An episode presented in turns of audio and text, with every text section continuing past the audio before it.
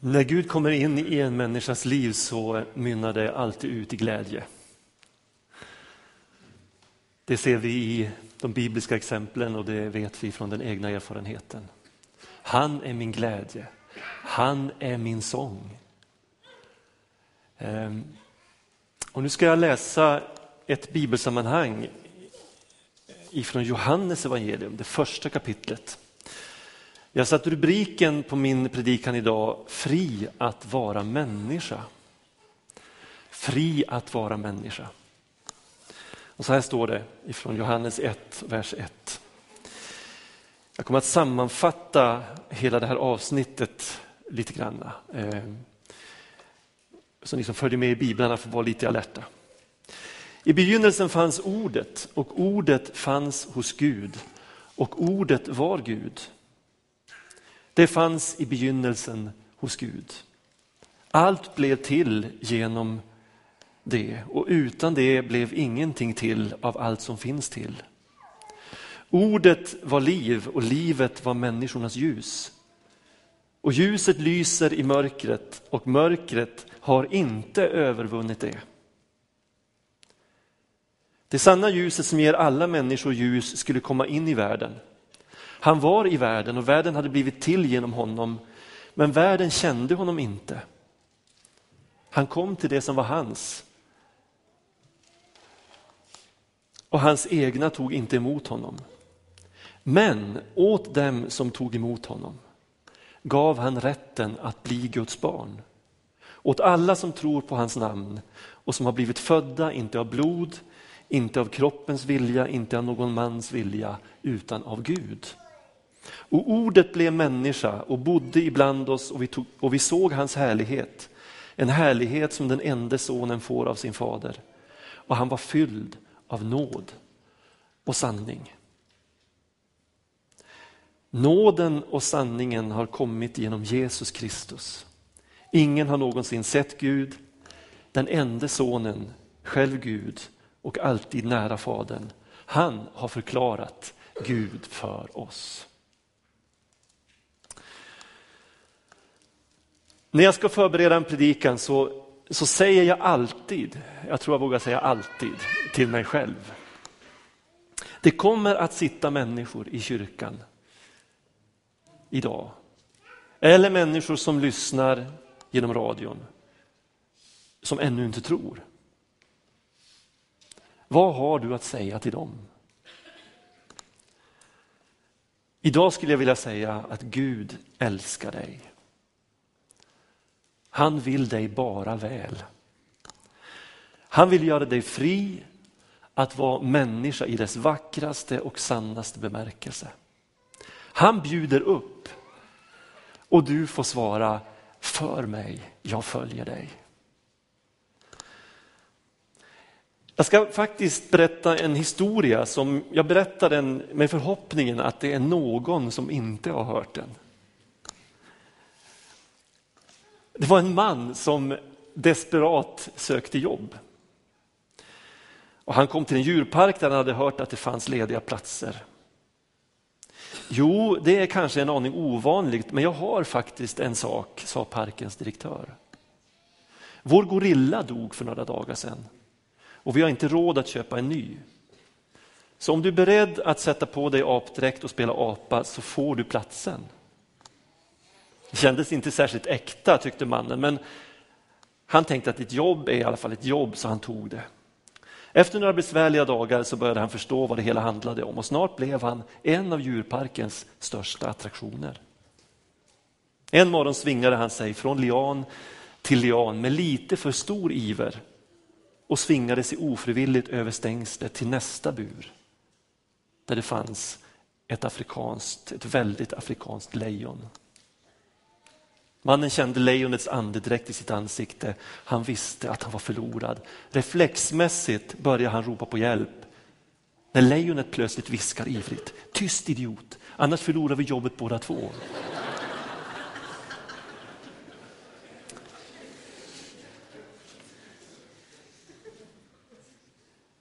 I vårt samhälle så har det här med att vara människa blivit synonymt med att bära mask. Att dölja det inre och presentera ett tillrättalagt yttre. Att gömma mitt sanna jag istället för att vara sann och sårbar.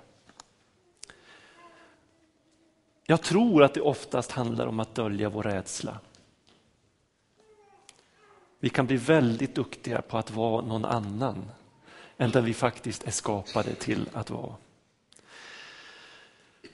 När vi säger att, att någon är mänsklig, det säger vi ju ibland, så tror jag att vi oftast menar något positivt. Vi menar att vi har mött en människa som är varm, som är närvarande, som är empatisk.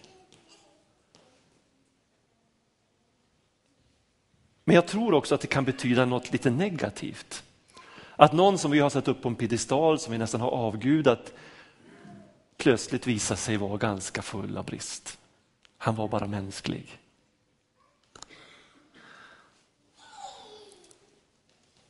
Det finns så otroligt mycket som vi anser normalt, som jag skulle vilja påstå inte är mänskligt. Men som vi ändå försöker försvara. Man är ju bara människa, säger vi. Och vi kanske säger det till någon annan som precis har gjort bort sig ganska rejält och kanske betett sig väldigt illa mot någon. Men, ja, men du är ju bara människa. Och Det här blir ett uttryck som vi använder när, när, när någonting inte går som vi tycker att det ska gå. Och på något sätt blir det här en ursäkt för att misslyckas och inte riktigt nå upp till våra ideal. Det blir en ursäkt för att inte riktigt behöva ta ansvar. Ungefär som man kan säga, jo men jag var ju berusad. Jag visste inte vad jag gjorde. Och så blir det en sorts förmildrande omständighet som gör att jag inte kan ställas till svars. Alla misslyckas vi, ständigt. Men att skylla på att vi bara är människor, det gör att vi sopar en mängd saker under mattan som faktiskt borde fram i ljuset. Jag tycker faktiskt det är mycket bättre att säga så här, säga som det är trots att jag är människa och borde veta bättre, så är jag faktiskt inte bättre än så här just nu. Vill du förlåta mig? För jag önskar att jag vore bättre. Därför att då bejakar vi att detta att vara människa, det är det finaste, det vackraste, det högsta som vi kan bli på den här jorden. Då bejakar vi det förtroende och det ansvar som skaparen har lagt ner i oss. Istället för att bara sänka ribban därför att vi tycker att ja, men det där kan inte jag leva upp till. När Jesus kom hit till jorden så kom han som den sanna människan. Det är min absoluta övertygelse. Jesus var den sanna människan. Han kom för att upprätta det sant mänskliga i varje människa. Han kom för att hela oss. Han kom för att göra oss fria att vara de människor som vi en gång för alla har skapats till att vara. Och vet ni, jag tror att den längtan är oerhört stark i så många människor här i vår stad. Man vill bli sig själv, man vill bli hel. Man längtar efter att fullt ut bli fri, att vara människa. Och vad innebär det och hur blir jag det? Kyrkan menar sig ha svaret på den frågan. Och jag är själv övertygad om att svaret finns i den kristna tron. Men hur har då kyrkan lyckats med sitt ansvar att berätta de här oerhört hoppfulla nyheterna? Att det finns en väg till helande och till upprättelse. Jag måste erkänna att jag tycker att kyrkan inte har lyckats så bra. Sökarna söker mer än någonsin, men inte nödvändigtvis i kyrkan. Och jag känner att jag måste våga ställa mig frågan varför? Varför inte världens bästa budskap når fram till människor som desperat behöver det? Varför? Det beror absolut inte på att det inte finns bra kyrkor. Det finns så många härliga, varma kyrkor med underbara människor som uträttar storverk mitt i sin vardag. Men det finns någonting som kyrkan har förmedlat. Det måste vara så. Som på något sätt har bildat en, en mur, ett hinder. För människor som ännu inte tror att upptäcka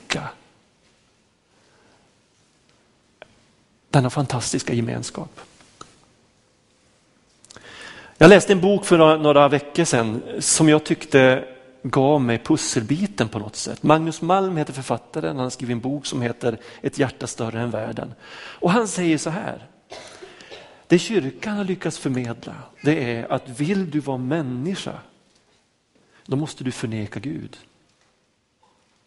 Och vill du ha med Gud att göra, då måste du förneka det mänskliga. Fest, dans, glädje, förundran, njutning, vänskap och sårbarhet har fått vika för allvar, avståndstagande, kroppsförakt, förandligad andlighet och syndfixering. Vi har många gånger förmedlat ett budskap som är raka motsatsen till det som vi faktiskt har anförtrotts. Sanningen är att vi är skapade till Guds avbilder. Vi läser i första Mosebok 1 och 27. Gud skapade människan till sin avbild. Till Guds avbild skapade han henne, som man och kvinna skapade han dem. Och Gud såg att allt som han hade gjort var mycket gott. Och jag kan inte dra någon annan slutsats av det här än att människan i grunden är god. Djupast sett så är människan god. Vågar du tro det? Någon har sagt så här, våga tro sanningen om dig själv, hur vacker den än är. Och jag älskar det uttrycket. Sen läser vi i Bibeln hur synden kommer in i världen och förstör det goda. Den utplånar inte Guds avbild i människan, men den fördunklar likheten. Författaren Peter Halldorf han skriver så här. Människan är linsen genom vilket det gudomliga ljuset kan flöda ut i världen. Synden berövar linsen dess genomskinlighet och hennes liv upphör att vittna om Gud.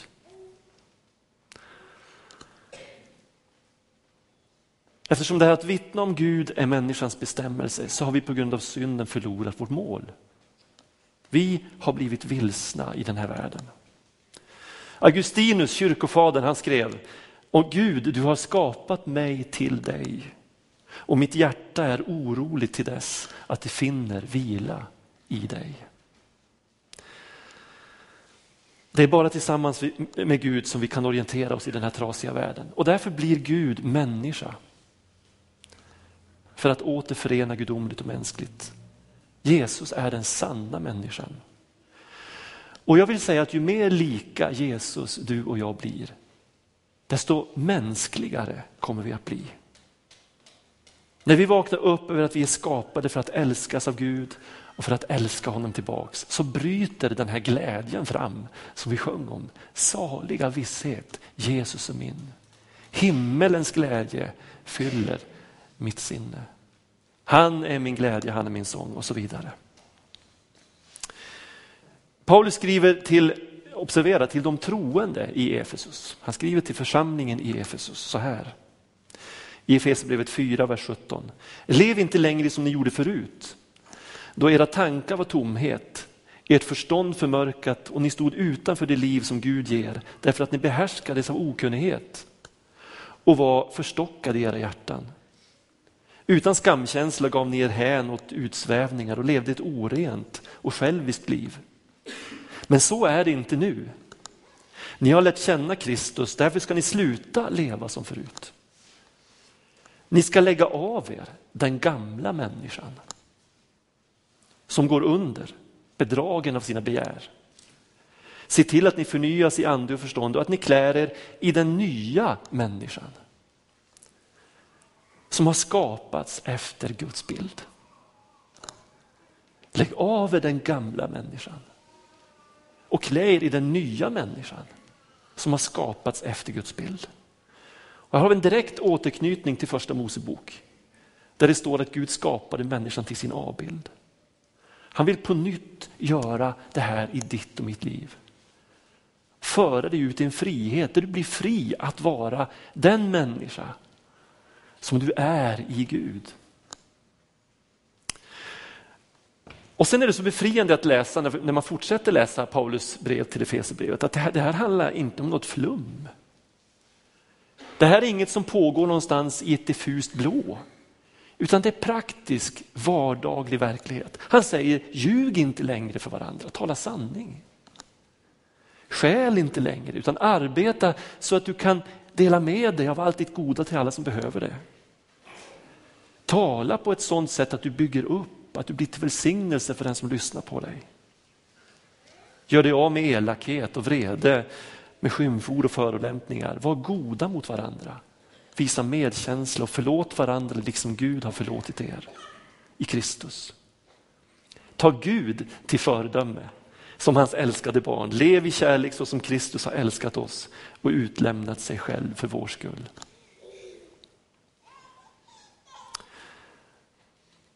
Det här tycker jag är vackert. Och det är det här Gud kallar dig och mig till.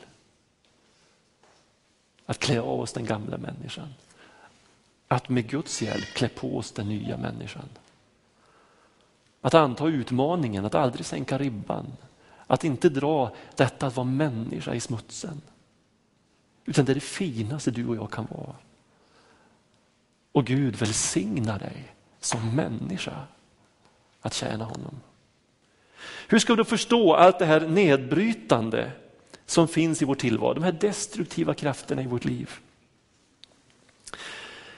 I den vägledningstradition som utvecklades i den tidiga kristna kyrkan så strök man under att människan, eftersom hon är skapad till Guds avbild, är god.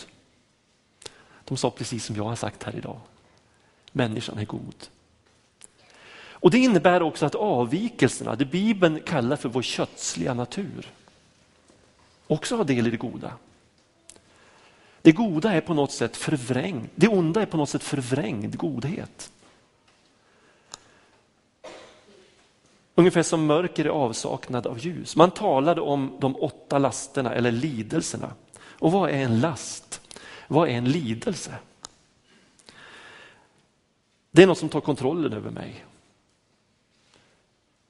Som jag på grund av att jag blir förmörkad i mitt sinne upplever att jag inte kan leva utan. Men som i själva verket aldrig tillfredsställer mig. Utan bara gröper ur mig och gör mig tom. Lasterna inkräktar på och vilseför människans djupaste livskraft och längtan. De speglar något ursprungligt och gott hos människan som har blivit skevt. Som har hamnat på avvägar och leder in, inte till gudsdyrkan, utan till självdyrkan. Och egoismen det är ju människan inkrökt i sig själv. Och alla ni vet hur destruktivt det är att ha sig själv i centrum. Vi längtar efter något annat. Vi längtar att bli satta in i ett större sammanhang. Att få tjäna någon som är större än oss själva. Därför att vi vet instinktivt, innerst inne, att det är det enda liv som är värt att leva.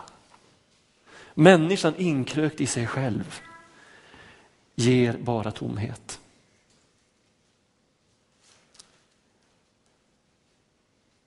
Som Guds avbild har människan förmågan att gå utöver sig själv. Att älska den andre som Gud älskar oss. Med en kärlek som inte söker sitt.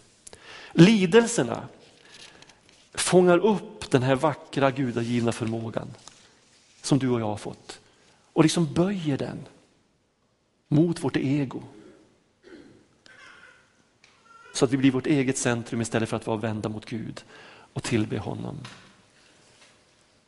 Vi slutar vittna om Gud. Våra liv slutar vittna om Gud. Tre av de här eh, lidelserna eh, har med kroppen att göra. Om man nu tittar på kyrkohistorien. Det är gommens lockelser, alltså frosseriet. Eh, jag lyssnade för ett tag sedan på Leif GW Persson, heter han va? Kriminologen.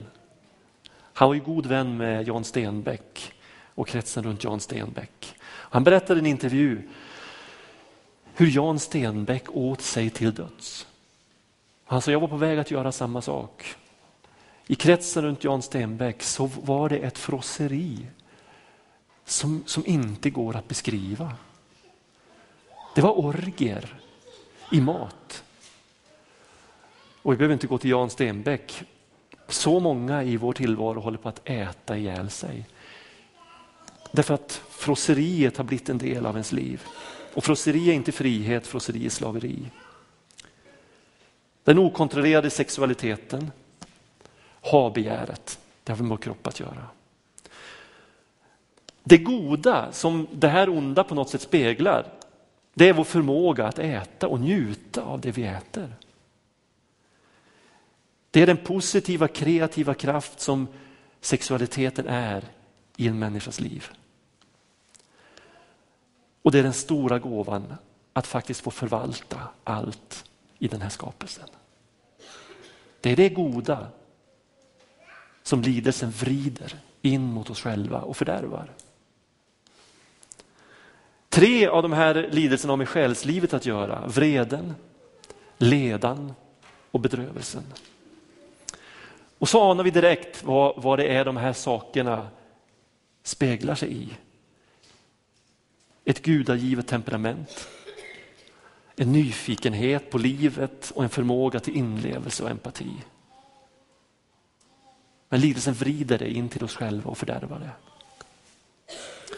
Och så slutligen, två saker som ligger djupast i människan, det som gömmer sig i vår ande, det som är svårast att komma åt. Äregirighet och högmod. Och ärgirighet och högmod är, för, är förvrängningar av människans djupt liggande visshet om sin egen storhet.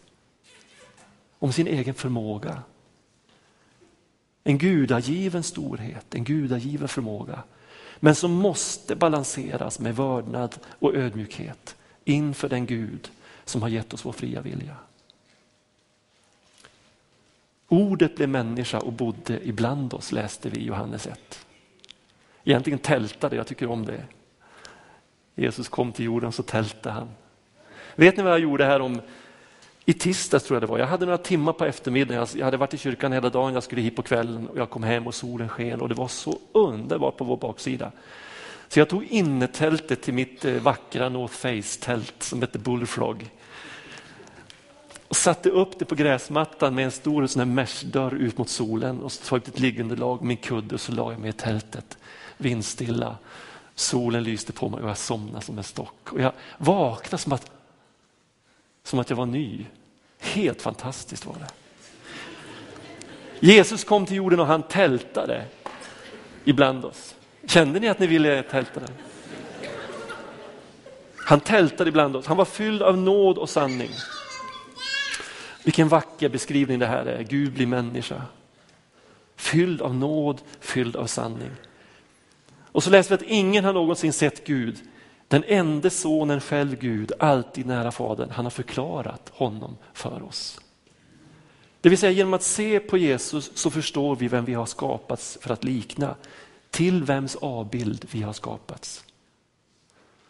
Och därför är Jesus den viktigaste i en människas liv. För att inte bagatellisera syndens ohyggliga inverkan på skapelsen så är Johannes ord så viktiga. Han skriver nämligen att det sanna ljuset som ger alla människor ljus skulle komma in i världen. Han var, han var i världen och världen hade kommit till genom honom. Men världen kände honom inte. Han kom till sina egna men hans egna tog inte emot honom. Vad säger det här oss? Den här bilden som den sanna människan bär inom sig och som borde ha varit som en magnet på det som djupast sett ligger i oss.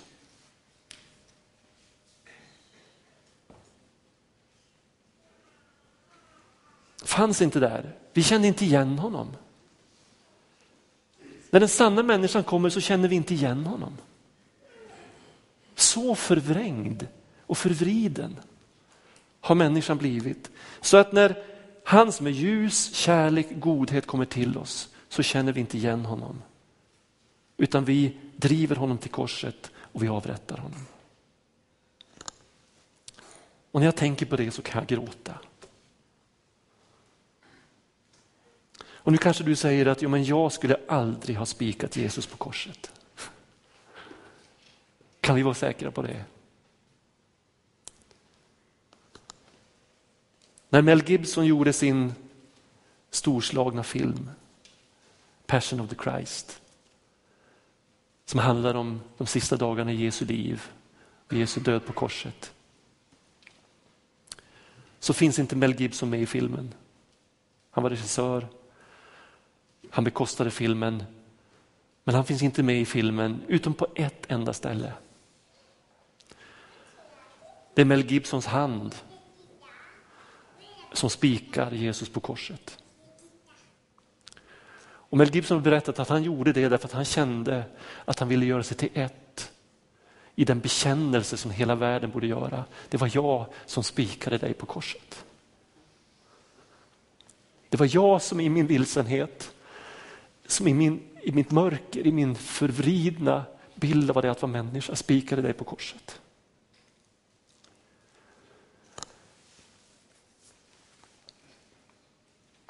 Men åt dem som tog emot honom, skriver Johannes, ger han rätten att bli Guds barn åt alla som tror på hans namn. Du kan få bli ett Guds barn idag genom att tro på Jesus, genom att ta emot honom. Och Bibeln säger att när du blir ett Guds barn så blir du en ny skapelse. Du får klä på dig den nya människan.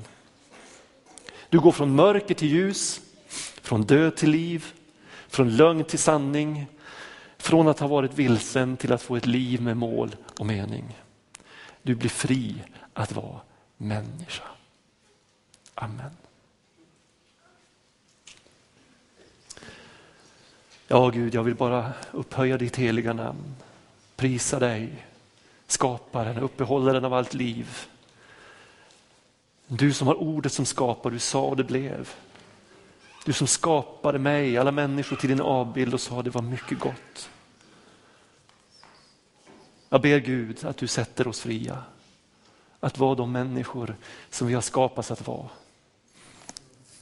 Att i trots mot allt det mörka, i trots mot allt nedbrytande destruktivt, ständigt, varje dag lägger av oss den gamla människan, tar på oss den nya människan för att göra livet lite lättare för någon att leva.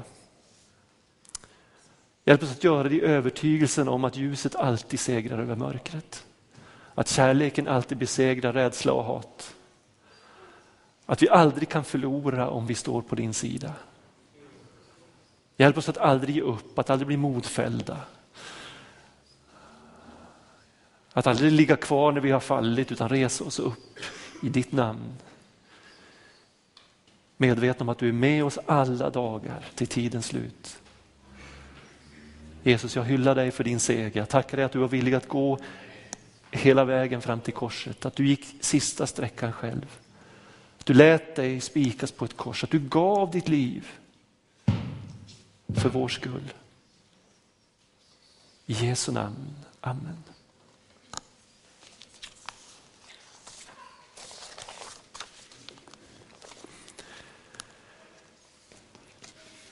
Vi ska nu fira nattvard. Tjänarna som ska betjäna oss, ni går ut och gör er färdiga. Jag vet att Helen och eh, Lennart ska spela någonting för oss. Och sen firar vi nattvard tillsammans i glädje över att Jesus har vunnit seger.